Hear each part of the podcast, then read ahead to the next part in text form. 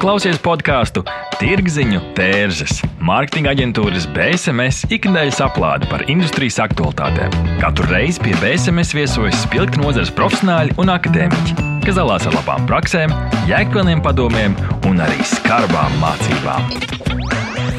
Aiziet! Šodien Tirziņu tērzes studijā Inta Buša.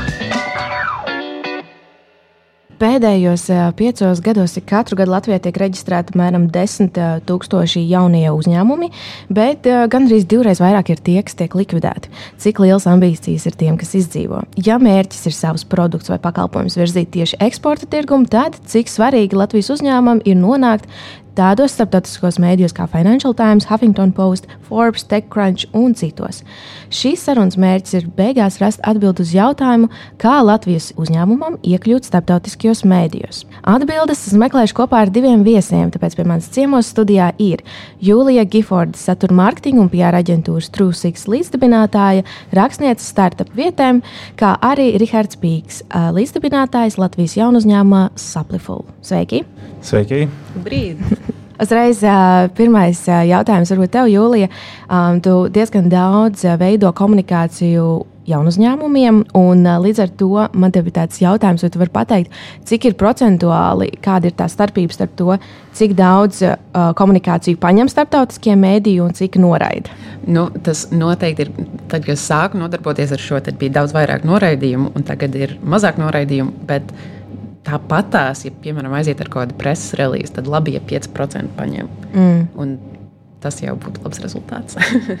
Rihard, kāda ir tava līdzinējā pieredze ar starptautiskiem mēdījiem? Cik daudz jūs vispār komunicējat starptautiski? Jā, tātad uh, iepriekš ar mani iepriekšējo uh, uzņēmumu Grafamap uh, mēs ļoti gājām uz to, lai dabūtu visas tās preses relīzes, jo ir ļoti svarīgi kad cilvēks ienāk tavā weblapā, lai pirktu tavu pakalpojumu vai produktu, ir svarīgi tomēr parādīt, ka tu esi bijis tajos mēdījos, kad uh, tu asociē sevi ar viņu reputāciju. Mm -hmm. Tas ir kā social proof, angļuiski sakot. Uh, jā, tas ir ļoti svarīgi. Un, un, un, uh, esam gājuši to daudz, un, un jā, kā jau Julija teica, pārsvarā ir noraidījumi. Uh, bet jā, tas dažreiz, kad paveicās, tas uh, dod ļoti labu rezultātu. Tad, kad ir tie noraidījumi, vai jūs saņemat arī kaut kādu feedback, kāpēc, vai tur vienkārši nav, nav atbildes vispār? Visbiežāk, ka nē, bet ja, nu, ja atbildi pat ar atbildi nē, tad mēs jau esam laimīgi. Tad, tad tas nozīmē, ka mums ir radies kontakts ar mm -hmm. attiecīgo žurnālistu vai mēdīju. Un, un vēl retāk pasakā kaut kādu iemeslu. Un, bet visbiežāk tas iemesls ir um, man šis šobrīd neinteresē, vai retāk ir, ah, es par šo nesen jau uzrakstīju, vai ah, kaut kas tāds, vai nebūs labs fit. Tad, ja mēs runājam par šīm ziņām, vēl tālāk ārzemju mēdījiem, tad ar kādu ziņu vispār iet pie mēdījiem? Tas ir ļoti labs jautājums, un var iet ar dažādām ziņām. Un tad šeit viss biežāk es sāku, ja es sāku strādāt ar uzņēmumu, kā piemēram Rahards Grafuma vai Rahards un Saplifulu, vienalga, kas tas būtu. Pirmais jautājums, mēs apsēžamies un saprotam, kas mums ir, kas ir ziņas vērts. Angliski to sauc par newsworthiness. Un uh, startupiem, jaunu uzņēmumiem vienmēr uzreiz ziņas vērti ir vai nu uzņēmuma palaišana, produktu palaišana, uh, finansējumi, uh, jauni raundi vai nu, iziešana, exiti, tirgi, uh, mergers, acquisitions un tādas lietas. Tātad tie ir tā uzreiz nu, kaut kas tāds, ok, ejam ar to. It sevišķi finansējuma raundi, startup pasaulē viņam ļoti patīk tādas ziņas paņemt. Bet tādas ziņas nav bieži. Un uh, startupam un uzņēmumam, lai augtu, viņš nevar tikai paļauties uz to, ka nu, pēc gada, tad, kad būs finansējums, tad būs mēdīņu uzmanība. Viņiem Jā. vajag arī laicīgāk, lai cilvēki sāk viņus manīt. Un tad mēs sākam domāt nākošo, var, varbūt nākošā pakāpē bišķiņ dziļāk ra, ra, rakņājamies, kas varētu būt ziņas vērts. Tad viens ir tas, nu, mēs sakam, skatāmies uz līdzdibinātājiem vai dibinātājiem uzņēmumā, vai viņiem ir kaut kāds personīgais, interesantais stāsts. Riharda gadījumā bija ļoti interesanti pieredze ar grafomāpu. Viņiem bija ļoti unikāla mārketinga pieeja, un mēs varējām ar šo stāstu stāsti, strādāt un viņu ietērpt kā mācību citiem uzņēmumiem, kā arī viņi var automatizēt savu mārketingu, lai viņiem būtu visu laiku um, šī tāda redzamība, pirkumi un vispārējais. Vai, piemēram, Rekur Rihardam un Līdzminātājiem Mārtiņam viņam bija pieredze piesaistīt investoru finansējumu pusstundas Google Meet zvanā. un, nu, tā ir fenomenāli. Fenomenāls rezultāts. Un tad cilvēkiem interesē, okay, mm -hmm. nu, mhm. kā to varēja dabūt gatavu. Tad mēs ar, ar to varējām strādāt. Tā tad uh, ir nu, šī personīgā pieredze, un tas nostrādā, jo nevienam citam pasaulē nebūs tā precīzā pieredze. Uh, protams, viņam ir jābūt kaut kam, kas būtu interesanti arī tai kaut kādai pārējai pasaulē, vai nišai, vai vienalga. Tā tad mums ir tikai jādomā bišķiņi radoši. Un tad ir vēl nākošais līmenis, ir, ka mēs varam domāt, ok, mums nav, mums nav fundinga ziņa, mums nav, nezinu, visi personīgie stāsti ir izsmelti, Bet katram uzņēmumam, vismaz katram tehnoloģiju uzņēmumam, viņiem ir datu bāze kaut kāda, kur krājās viņu lietotāju darbības. Tā, tad, vispār, tad tā, tā, ir, tā ir kolekcija ar lietotāju uzvedības normām. Mm -hmm. Un tad mēs domājam, ok, kādu informāciju mēs varam izvilkt no, no šitās, šitās informācijas kolekcijas, lai izdarītu kaut kādus secinājumus par kaut kādām tendencēm, par kaut kādām uzvedības normām.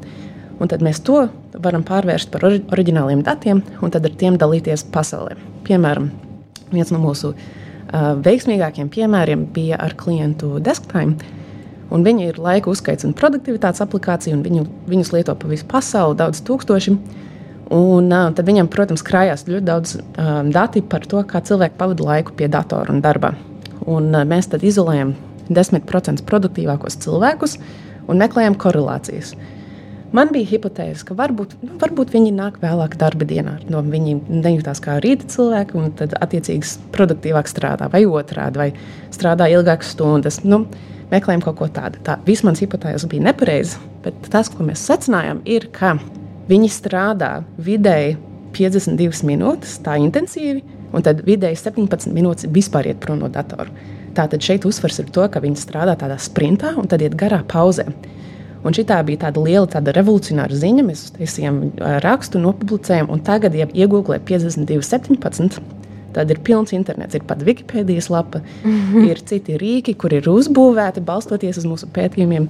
Ir grāmatas rakstītas, kuras atcaucās uz mūsu pētījumiem. Tā kā tas ir rīktīgi aizgājis. Un joprojām pagājušā nedēļā ar mani sazinājās no CNN ar vēlmi intervēt desktop, pajautāt, kas, kas un kā. Tā kā šī tāda veida stāsti Viņi ir tādi ilgtermiņa, ilgtermiņa mārketinga ieguldījumi. Viņi ir arī grūtākie. Bet uh, interesanti ir tas, uh, manuprāt, uh, tas rakurs uh, par tiem datiem.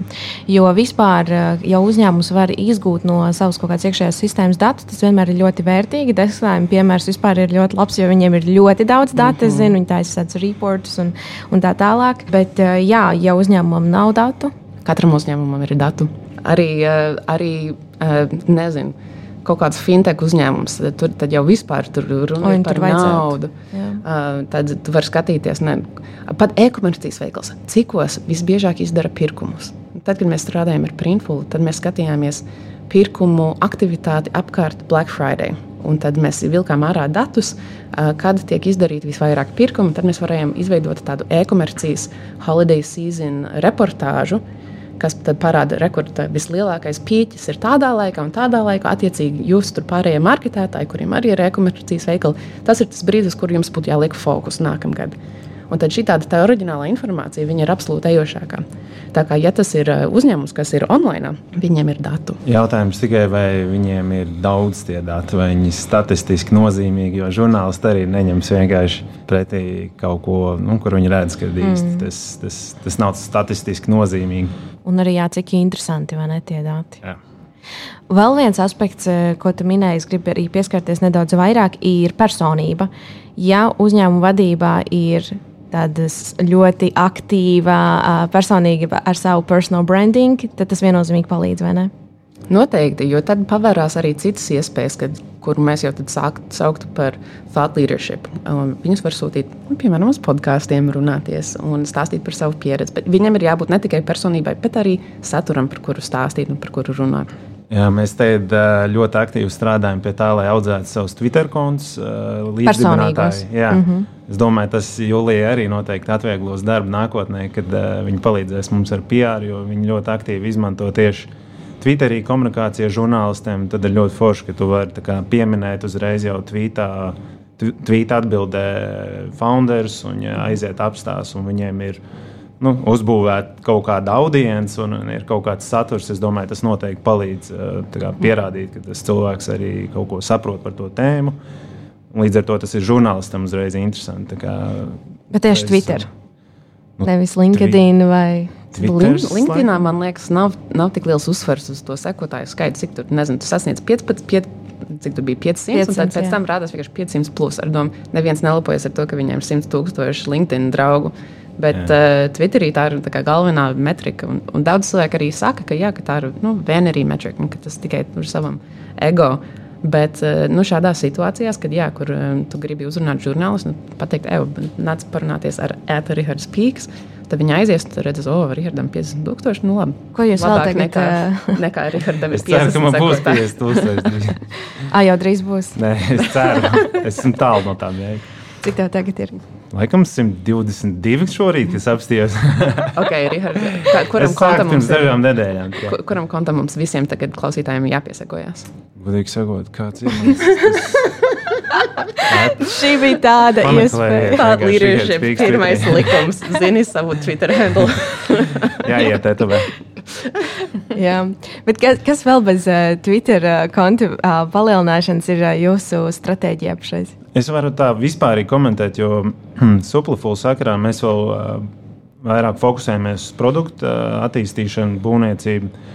Līdz ar to mārketinga stratēģija, PR, tas ir bijis kā otrā plānā. Kaut kādas iestrādes mēs taisām, bet uh, tas nav mūsu fokus patreiz. Bet uh, pirms tam iepriekšējā uzņēmuma sakrā grafomā es varu pateikt vienu vien lietu, kas uh, ar gandrīz 100% garantiju jūs varat dabūt uh, iekšā jebkurā top uh, pasaules mēdījā, kā piemēram mēs bijām Forbes, CNN, tā tālāk, tas ir uh, vienkārši maksāt viņiem.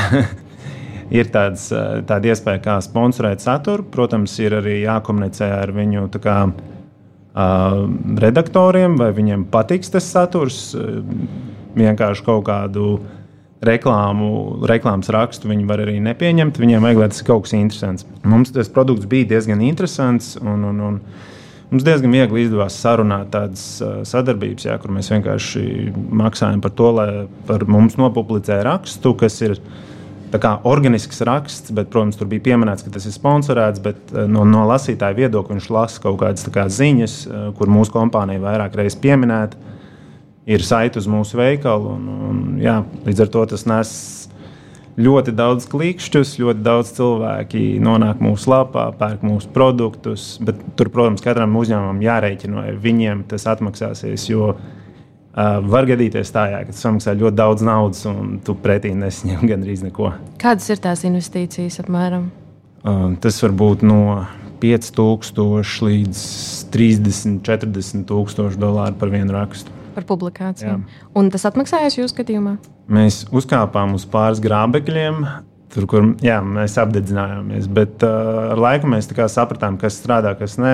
Likām likmes tikai uz to, kas strādā, un tas mums uh, ļoti labi sanāca mm. pēc tam un, un, un deva nozīmīgus ieņēmumus. Plus vēl tas, ka uh, tie, tie klikšķi, kas nāk no šiem mēdījiem, viņi konvertējas uh, uz pircējiem daudz labāk, jo viņi, viņi ir ienākuši mūsu lapā caur ļoti reputablu mēdīju, un, un viņiem uzreiz tā uzticība par produktu. Plus vēl tur ir bijis tas raksts, kurš apraksta visu fantastiski. Un, kā, jā, tas mums labi strādāja. Bet vai pašu saturu gatavojāt jūs, vai tas nāk no mēdīja? Gan, gan. Mēs varam uzrakstīt rakstu, iesniegt viņiem, viņa redaktori tur kaut ko pamaina Pēc tam mēs jau saprotam, kas strādā. Nākamgad mēs varam izmantot uh, atkal to pašu rakstu, teiksim, uz Ziemassvētku sezonu, ko mēs pirms tam izmantojām. Kaut ko bišķiņu pamainīt. Jā. Bet, nu, ja kaut kas strādā, tad uh, nav jēga to mainīt. Es kopā ar Norstedu uzdevu arī jautājumu Latvijas iedzīvotājiem, vai jūsu acīs Latvijas uzņēmumu prestižu ceļ esošas publikācijas ārzemju mēdījos un arī iekavās uh, minēts pāris.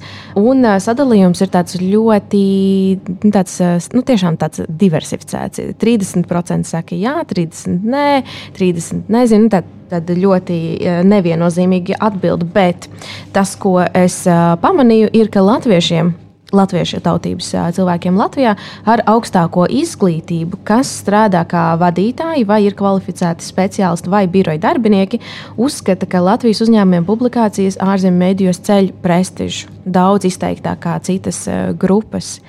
Vai tas ir pārsteidzoši, vai tas ir likumsakarīgi? Man liekas, ka tas ir saprotami no nu, parastās, nezinu, ikdienas auditorijas perspektīvas, jo droši vien, ka viņa redzeslokā uz viņa apvāršņa atnāk gan tās labās ziņas, gan droši vien arī ne tik labas, labas ziņas. Un varbūt mēs, kuri darbojamies, mēs jau uzreiz runājam par cita veida saturu, kur, eh, kur runa, runa ir par pakalpojumu um, publicēšanu, par panākumu publicēšanu. Tā mm. tālāk, kur nu, viennozīmīgi tas tikai un vienīgi nāk par labu. Bet tad mēs arī zinām, ka ir arī cita veida ziņas, kuras mēs, protams, ļoti asi uztveram, un ka tie varbūt mūsu apziņā paliek spēcīgāki nekā tie daudz mazie, mazāki raksti uh, par to, ka, nu, rekur, nezinu, sapulfuls parādījies The Next Web. Desktimes ir CNN kaut kā tā. Mēs dodamies nelielā reklāmas pauzē, bet turpmāk arī jau parunāsim par tādiem praktiskākiem ieteikumiem. Neatbildami jautājumi, sarežģīti lēmumi. Sazinies ar Norstat. Mēs palīdzēsim. Norstat. Tas ir draudzīgs servis, innovatīvi risinājumi un kvalitatīvi dati, lai to varētu pieņemt veiksmīgus, datos balstītus lēmumus. Pievienojies vairāk nekā simts Latvijas uzņēmumiem, kas uzticas vadošajam datorisinājumu nodrošinātājam Ziemeļeiropā. Mūsu mērķis ir atvieglot tavu dzīvi un ļaut pieņemt pareizus lēmumus. Norstat - vērtīgi dati svarīgiem lēmumiem.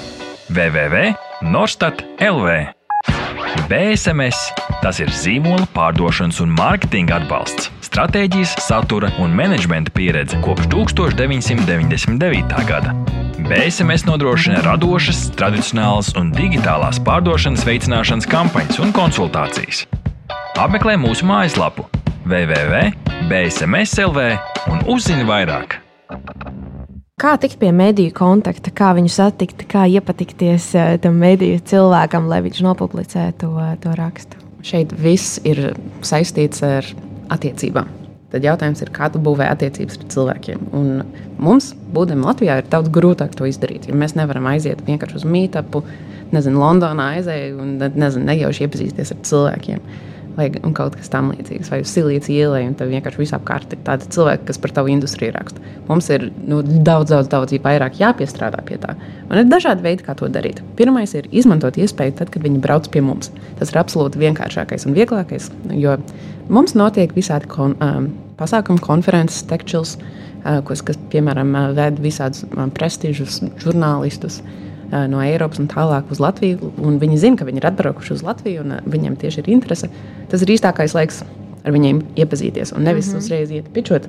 Man vienreiz bija tāds klients, un mēs satikāmies Tekčelā. Viņš saka, nu, labi, iepazīstina man ar kaut kādiem žurnālistiem. Nu, labi, es viņu paņemu pie rokas, un mēs ejam pa gaitai. Un, kā, oh, nu, rekur, rekur mums ir žurnālists no VentureBeat. Un viņš savā tiešā stilā uzreiz pajautā, Will you write about my startup? Tāds ārprāts. jo viņi ir cilvēki arī. Tā, nu, tu neprasi uzreiz cilvēkiem, lai viņi izdara tev kaut kādu pakalpojumu. Tu vispirms iepazīsties ar viņiem, tu izveido tās cilvēciskās attiecības. Mans likums ir runāt par jebko, izņemot tavu startupu. Ātrāk vai vēlāk viņi pajautās, un ar ko tu nodarbojies. Nu, tādā veidā veidot tās attiecības. Um, nu, tad uh, ir, mums ir arī reģionā uh, līdzīgas konferences. Latitude ir uh, Igaunijā.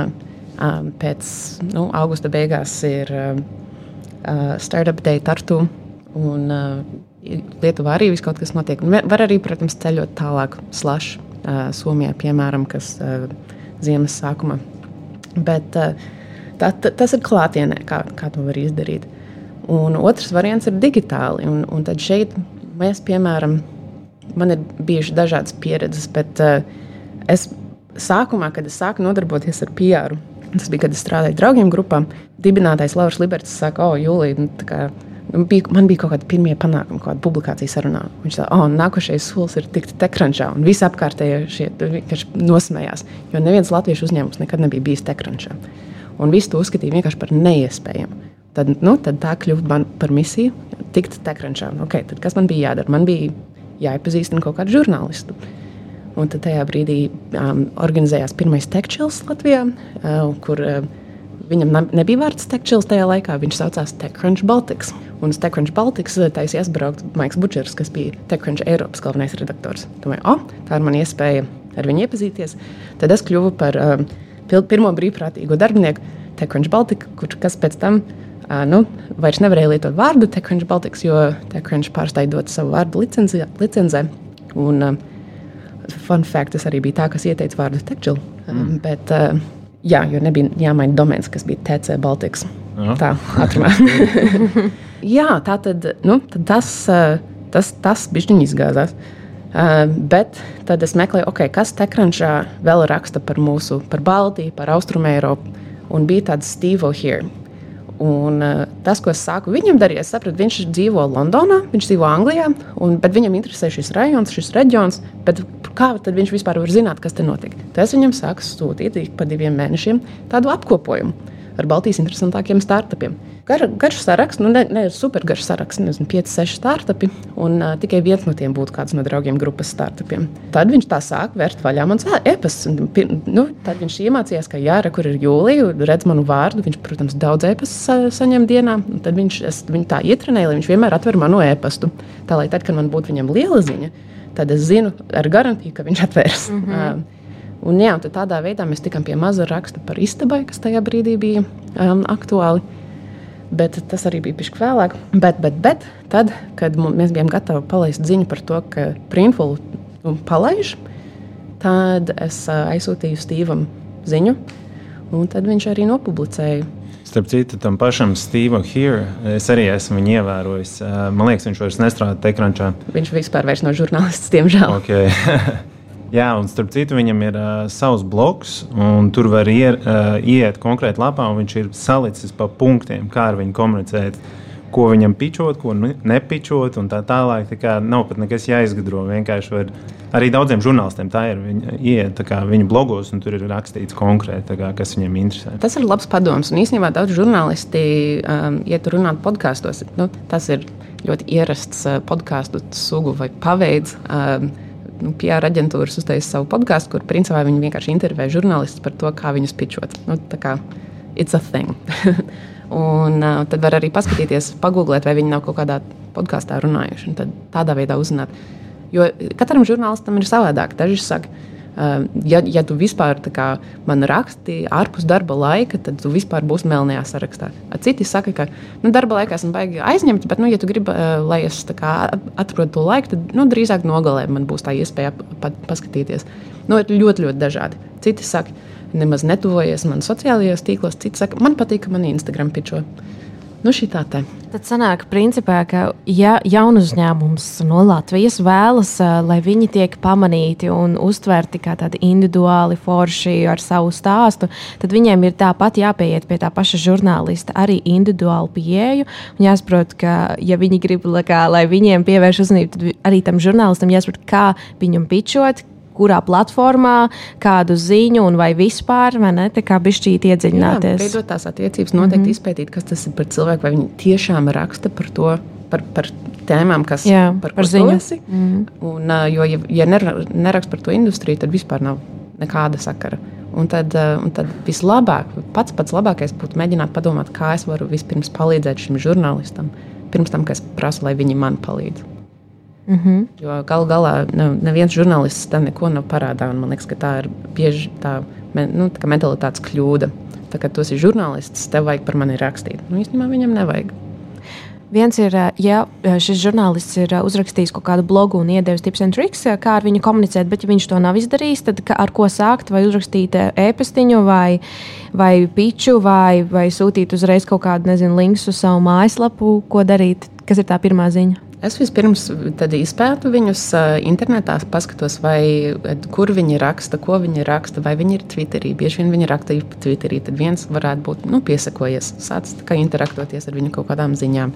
Ja ir kaut kāda, ja viņi kaut ko ietvīto, kas ir saistīts ar tevi, tu vari, nu, kā, ja, ja tev ir ko teikt, vērtīgi, tu vari atbildēt uz kaut kādu tvītu. Mm -hmm. Tad viņi sāk redzēt tavu vārdu, atcerēties tavu vārdu. Un tādā veidā tas ir tas sākums tām attiecībām. Un, uh, iespējams, ka tur viņam arī bieži vien ir ēpasts norādīts uh, mm -hmm. tajā Twitter biogrāfijā. Tad, uh, tad var arī sākt uh, sūtīt kaut kādu ziņu Iespējams, ka sākumā tam nav ziņa. Vienkārši pateikt, hei, čau, gribēju iepazīties, uzlikt sevi uz tava radara. Mums pagaidām vēl nav nekas, ko teikt, bet zinu, ka drīzumā mēs kļūsim interesanti. Gribēju piebilst, ka tas ir ļoti tāds metodisks darbs un ilgs, kurš noteikti nenesīs rezultātus īstermiņā. Nu, var paveikties, protams, bet diez vai tā drīzāk ir investīcija vidējā un ilgtermiņā. Jā, un tam, tam jā, kā jau minēju, jā, ilgi un metodiski tas ir jādara visu laiku. Tur droši vien jūlijā ir kaut kāds lead lists un, un log files, kur tu pieraksti visu to. Jā, un tādiem uzņēmumu dibinātājiem un, un, un mārketinga cilvēkiem viņiem ir ļoti daudz atbildības un uh, nav īsti jauda vispār tik metodiski tai lietai pieiet. Tāpēc arī mēs. Uh, komunicējam ar, ar Jūliju un izmantojam viņas aģentūras pakalpojumus. Jā, mums bieži vien jautā, vai vajag aģentūru. Un tā ir liela diskusija vispār startup PR pasaulē. Un, eh, un tā atbilde ir neviennozīmīga. Jo, protams, pats labākais ir, ja paši dibinātāji veido tās attiecības ar pašiem žurnālistiem. Tas ir daudz autentiskāk, izmantojot to vārdu. Un, un eh, žurnālists jūtas pagodinātāks, jo žurnālistam viens no momentiem, kas eh, viņam ļoti nostrādā, ir tāda viņu ego glaudīšana.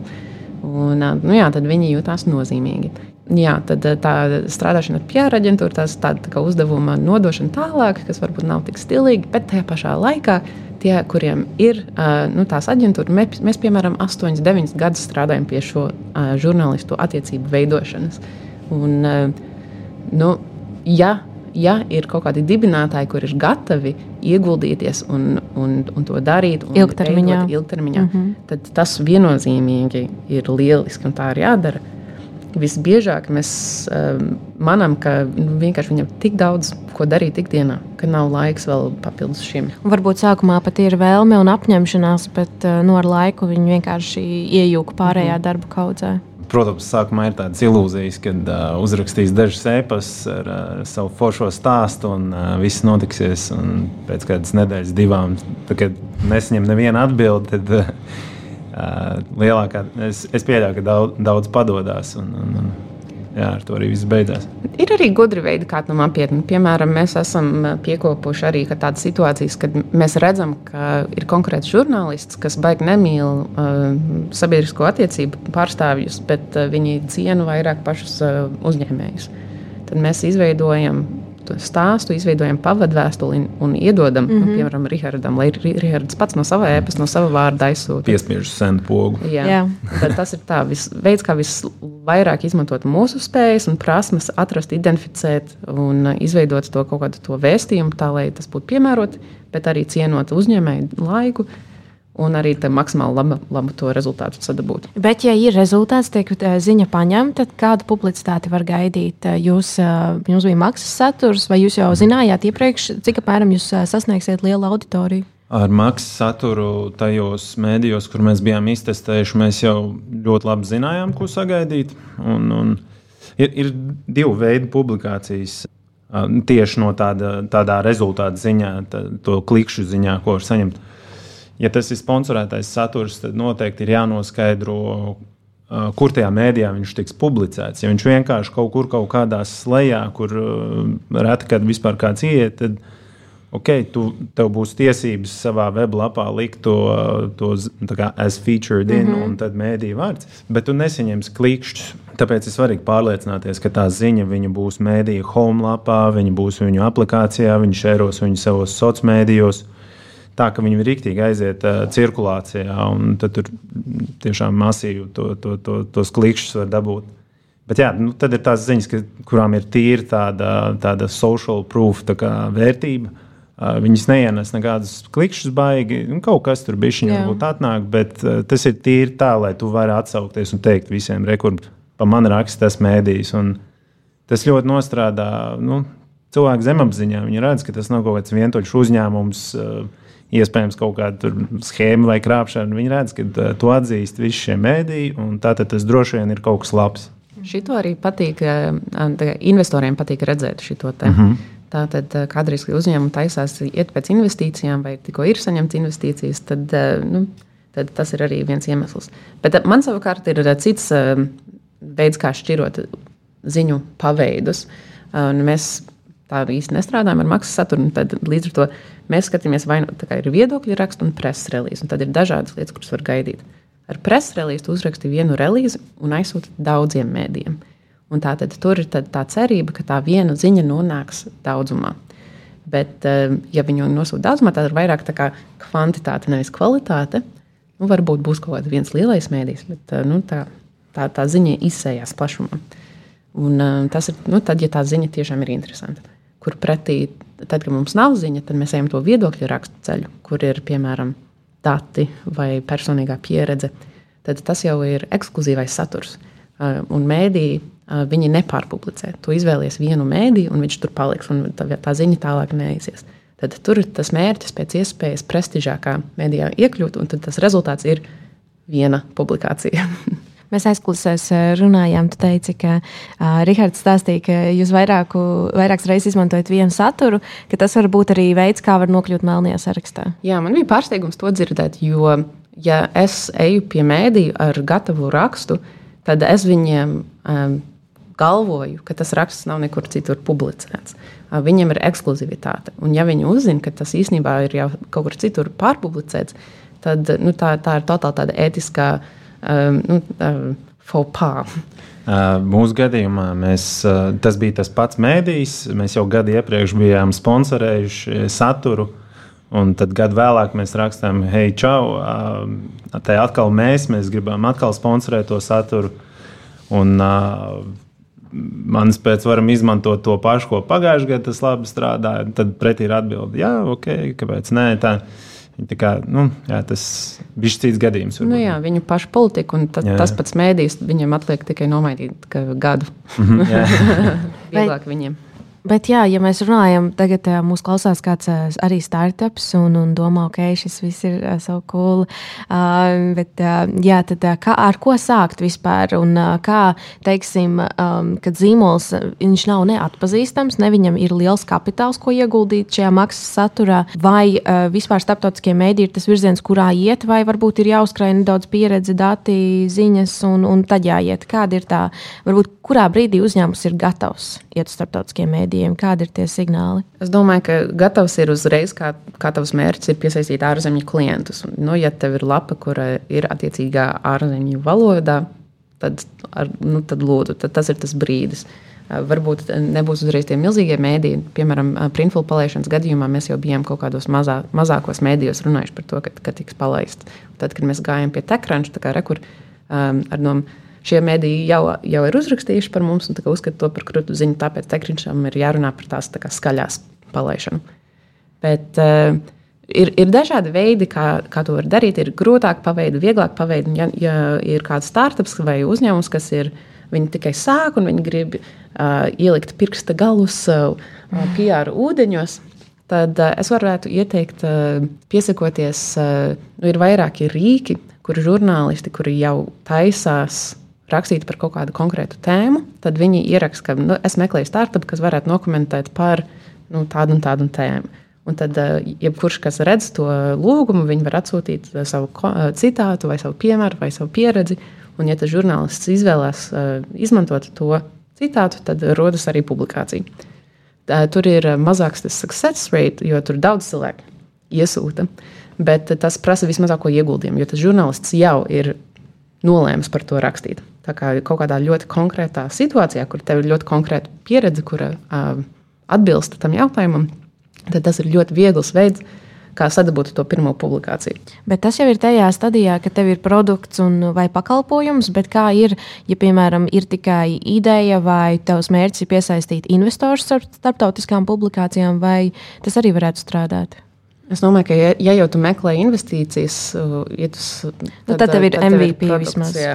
Jā. Un, bet, ja tev ir tikai ideja, tad man liekas, ka drīzāk tu sāc runāt par sevi un sāc būvēt savu atpazīstamību. Gan sociālajos tīklos, nu, Twitter, LinkedIn, varbūt arī ja, ja ir tā, tās iekšas, tad uh, var iet sākt runāt, uh, veidot savus viedokļu rakstus vai par savu iepriekšējo pieredzi runāt, rakstīt. Mm -hmm. Es vēl gribēju piebilst, uh, jā, pašā sākumā, kad uh, maz resursi un, un, un, un uzņēmums, jaunu uzņēmums vēl nav kā, palaidis uh, savu servisu. Tad ir noteikti jā, jāizvērtē. Es iesaku Product Hunt. Ir tāda platforma, kāpēc viņi baigi labāk. Tāpēc, ka Tātad tur publicējās visi jaunu uzņēmumi, kaut kādi tiešsaistes rīki, resursi, tā tālāk. Viņi visi publicējās tur tajā brīdī, kad viņi palaiž savu servisu. Uz tās platformas tur ir ļoti daudz žurnālisti, blogeri, influenceri, tehnoloģiju entuziasti. Ja tu pareizi to izdari, ir vesela, nu, ir Google vienkārši jāapstāsta, kā produktu hantā launčoties. Ja to pareizi izdari, tu nonāc tur tās dienas vai nedēļas topā, tu esi ļoti, tu sasniedz ļoti daudz ietekmīgus cilvēkus, un, un kāds var tevi ieraudzīt un, un, un uzrakstīt tev, hei, es, es redzēju tev produktu hantā, esmu žurnāls. Tā, tā, mums tieši grafama ap tā arī bija. Mēs pirmo publikāciju Duel uh, magazīnu saņēmām caur produktu. Dvēls ir pasaulē interjeru dizainā nu, top, top mēdījis. Mums viss, tas vienkārši atnāca no, no, no produkta. Mums ne, nekas nebija jādara. Mums likās, wow, tas ir mm. tik vienkārši. Forši pie, pieredze. Jā. Jā, tā ir laba pieredze. Man ir vairāk vilšanās ar produktu jo viņi ir ieviesuši tādu situāciju, ka nu, viņiem ir savi top atklājēji. Un, ja tev viens top atklājējs piesaka, tad tu tev ir lielāks izredzes iekļūt mm -hmm. topā. Un tātad, ja tev nav tas atklājējs uh, sākumā, tad tev ir mazāks iespējas sacensties ar citiem produktiem, kuri tiek launchoti, kuriem ir šis mm -hmm. nu, tas pievienotais. Un mēs pat vienā reizē ar vienu klientu sameklējām tādu topu, iet, nu, super lietotāju. Yeah. Un, uh, Un ar visu to es nevaru teikt, ka baigi būtu aizgājis. Mm, mums nu. tas pats bija. Jā, mēs arī Suplafulu mēs uh, jau kaut kādu mēnesi iepriekš sakomunicējām to atklājēju. Un, un teicām, ka hei, labi, mēs te drīz jau visu, visu rīktējam, tūlīt jau tūlīt būs. Un, un, un, Tā, tas viss jā, bija gatavs. Uh, mēs aizsūtījām visu informāciju tam atklājējam, lai viņš ievieto to visu produktu hantā, jo viņa profilam tur sako nenormāli daudz cilvēku. Un, no, tas efekts noteikti ir daudz labāks viņš, nekā viņš būtu, ja mēs paši publicētu. Bet jā, nu, nevienmēr tur, no, no tā var sagaidīt kaut kādu baigo mm -hmm. rezultātu. Ar šo otro piegājienu, Uplifulu, mums nekas tur baigi no tā neatlec. Diemžēl, bet tāpat vērts mēģināt un noteikti darīt to vēlreiz. Jā, varbūt var paveikties. Noslēdzot jau šo epizodi, kas būtu tas galvenais, ko jūs vēlētos uzsvērt, nodot mūsu klausītājiem, vai varbūt novēlēt ceļa vārdos? Man tas noteikti būtu, ka, lai uzdrošinājās, uzdrīkstējās, lai nenobīstās. Bieži vien mans novērojums ir, ka mēs pārāk pieticīgi skatāmies uz mūsu panākumiem un baidamies iet starptautiski ar tiem vispārīgi bet mums netrūkst brīnišķīgas pieredzes, mums netrūkst pasaules līmeņa produktu. Tas, kas mums visvairāk pietrūkst, ir pārliecība par to runāt ar pārliecību. Mm -hmm. Tā kā es noteikti ieteiktu iet, mēģināt, runāt un tā turpināt, kamēr sanāk. Mans ieteikums ir uh, jau pirms produktu palaišanas padomāt ļoti nopietni, vai var piesaistīt, varbūt tas viss sākās jau ar kaut kādu misijas apziņu, visa produkta ideja tā tālāk Varbūt sākumā bija produkta ideja, un pēc tam var piedzīt to misiju. Bet tā misija īstenībā diezgan svarīga. Tas tā nav tikai rindiņa biznesa plānā. Tas ir svarīgi, tāpēc, ka uh, tie biznesi, kuri ir purpose-driven, uh, kuriem ir misija, viņiem daudz vieglāk veidot saturu, viņi daudz organiskāk izplatās tā ziņa. Uh, viņa līp žurnālistiem. Tas noteikti palīdz. Viens piemērs ir tie Toms eh, sneakeri, piemēram, kur uh, nopērts vienu pāri, otru viņa uzdāvina uh, cilvēkiem, kuriem nav apava, nabagiem. Principā. Mm. Šo misiju viņi sasniedz ļoti daudz cilvēku. Man liekas, viņiem viss organiski vienkārši notikās. Uh, viss par viņiem runāja, daudz pirka, un, un tas viss notika tāpēc, ka viņiem bija misija. Tā kā arī kaut kādam mazākiem rīkam var būt kaut kāda misija, nezinu, desktopam, piemēram, varbūt misija uzlabot cilvēku produktivitāti. Tad tu runā visu laiku par to, veido saturu un uh, nekad nebeidzas kaut kas, par ko runāt, ja tev ir misija. Mm -hmm, tu vienmēr vari paskatīties ne, no nedaudz uh, citas šķautnes uz Jā. uh, to pašu tēmu. Uh, liels jums paldies! Uh, pie manis studijā bija Julija Giforda, satura mārketinga un PR aģentūras Trūsīgs līdzdibinātāja un rakstniece startup vietnēm, kā arī Rihards Pīks, līdzdibinātājs Latvijas jaunu uzņēmumā Sapliful. Paldies! Paldies, ka klausījāties BSMS podkāstu Tirziņu tērzes. Aplādi ar labām praktiskām, jēgpilniem padomiem un skarbām mācībām. Patika epizode? Dalies sociālajos medijos, ir idejas tēmām vai viesiem? Raksti mums! Tās bija Tirziņu tērzes. Tiekamies nākamnedēļ!